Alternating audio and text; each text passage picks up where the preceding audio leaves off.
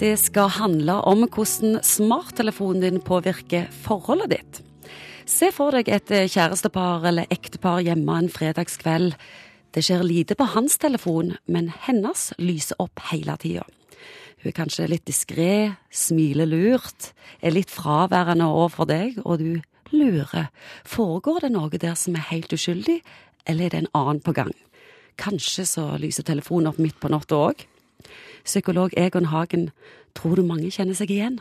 Det kan godt være at uh, mange kjenner seg igjen i det bildet som du beskriver, Ingvild. Og, og, det trenger ikke alltid være bare tanken om at det er en annen der ute som òg ligger med telefonen på nattbordet, men, men og hva du opptatt av. Klart at Det er noe stusslig hvis du da skal gå ut med partneren din på en restaurant, og så ser du at uh, blikket dras ned mot denne fordømte mobiltelefonen i et kjør, mens du egentlig ønsket at dere skulle sitte og se hverandre dypt inn i øynene og bekrefte hvorfor akkurat dere to er sammen. Jeg er rimelig sikker på at dette er et stort problem i Norge.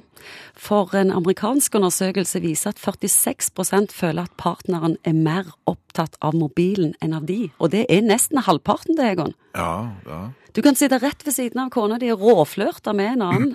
Lett som bare det. Ja, ja det er jo, det er jo litt skummelt, nesten, de der mulighetene som teknologien har gitt oss.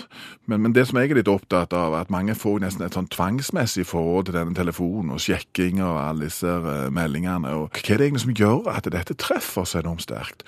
Det jeg tror som skjer, er at læringsmekanismen knytta til f.eks. Facebook er sånn at uh, vi tåler mye gråstein eh, og tull bare med å finne litt glimmer en gang iblant. Det er litt sånn som hvis du belønner bikkja di for å lære et eller annet, så skal du ikke få belønning hver gang.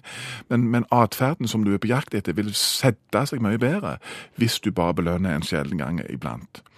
Og det som skjer, er at i en strøm av kattunger og bikkjer som snubler på sofaer og annet sludder, så dukker det eh, av og til opp et annet tema som du syns er særlig interessant. Og det øker sannsynligheten for at du vender tilbake igjen til dette. Bør det være kjøreregler for mobilbruk i et forhold?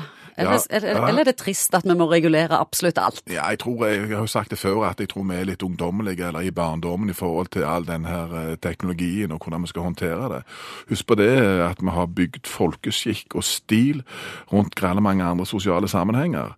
Eh, og jeg er helt sikker på at hvordan vi skal håndtere disse tingene, hva som er greit og ikke greit, det vil også komme i forhold til sosiale medier. Hva sier du til en eller ei som mistenker at kjæresten er utro på iPhonen?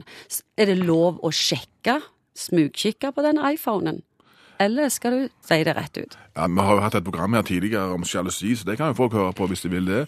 Og der er det jo sånn at Hvis du først begynner å lete, og du skrur opp sensitiviteten med denne mistenksomhetsradaren din, så har du det gående. Da er det liksom ikke, det ikke grenser for du, du, du, kan egentlig ikke kontrollere et annet menneske. Og... Du svarte ikke på spørsmål. Er det lov å smugkikke? Nei, det er ikke lov, det, det syns jeg ikke det er lov å gjøre. Hvis det kom dit hen at du faktisk er usikker på hva, hva det makka din gjør, så tror jeg jeg ville tatt meg en eh, runde. Men legg vekk telefonene, la oss snakke om det heller. Hvordan skal en snakke med partneren sin hvis en har uh, dette problemet gående? Jeg ville bare gått uh, Rema 1000-metoden. Det enkle er ofte det beste. Gått rett på og sagt at faktisk, når jeg og deg er ute på restaurant, og jeg ser at blikket ditt uh, Kan du legge vekk telefonen? Kan jeg og deg bli enige om at vi gjør det sånn?